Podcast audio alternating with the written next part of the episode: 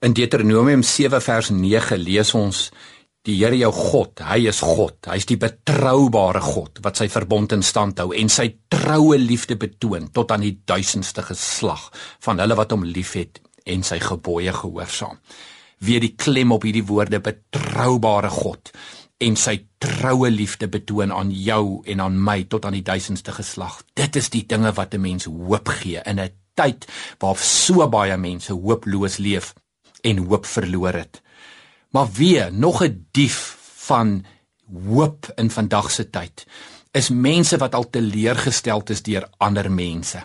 Gebreekte beloftes iewers in die verlede. Kom ons sê dit nou maar vir mekaar. Mense kan jou baie teleurstel want hulle kom baie keer nie hulle beloftes na nie. Weet jy, ek het ook al mense teleurgestel. Ek is oortuig daarvan. Jy het dalk ook al mense teleurgestel omdat ons nie ons beloftes teenoor hulle nagekom het nie. En natuurlik is daar verskillende vlakke van beloftes wat gebreek kan word. Bedoel is een ding om nie vir 'n afspraak op te daag of iemand wat nie opdaag vir 'n afspraak nie. Dit is 'n ander ding wanneer wanneer 'n pa of 'n ma 'n kind verwerp en in 'n belofte van versorging nie nakom nie, 'n belofte van lief hê nie nakom nie. Dit is dit is net baie dieper. Maar in sulke tye sê ek net altyd dank Vader vir 'n volmaakte hemelse Vader, 'n hemelse Pa wat altyd sy beloftes nakom, wat nooit sy beloftes breek nie. Mense kan jou teleurstel, maar God nooit en dit moet die basis, die fondament van jou hoop wees in hierdie lewe. 'n Ander dief van hoop is bitterheid en onvergifnis.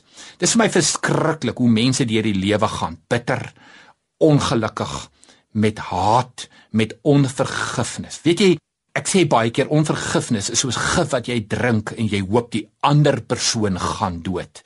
Maar wat 'n mens nie verstaan nie is dat jy in die proses hoop verloor. Jy raak pessimisties.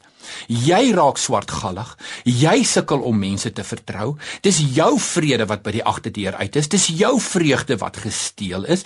Dis jou menseverhoudings wat agteruit gaan en dis als goed wat maak dat jy hoop verloor.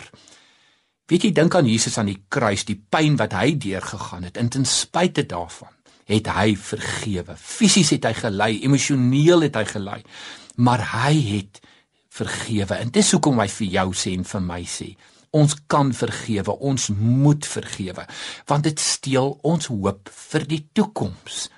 So ek wil vir jou vra, vra Jesus om jou vry te maak sodat jy ook hierdie dief van jou hoop kan afskud, kan van ontslaa raak sodat jy voluit met hoop kan leef elke dag.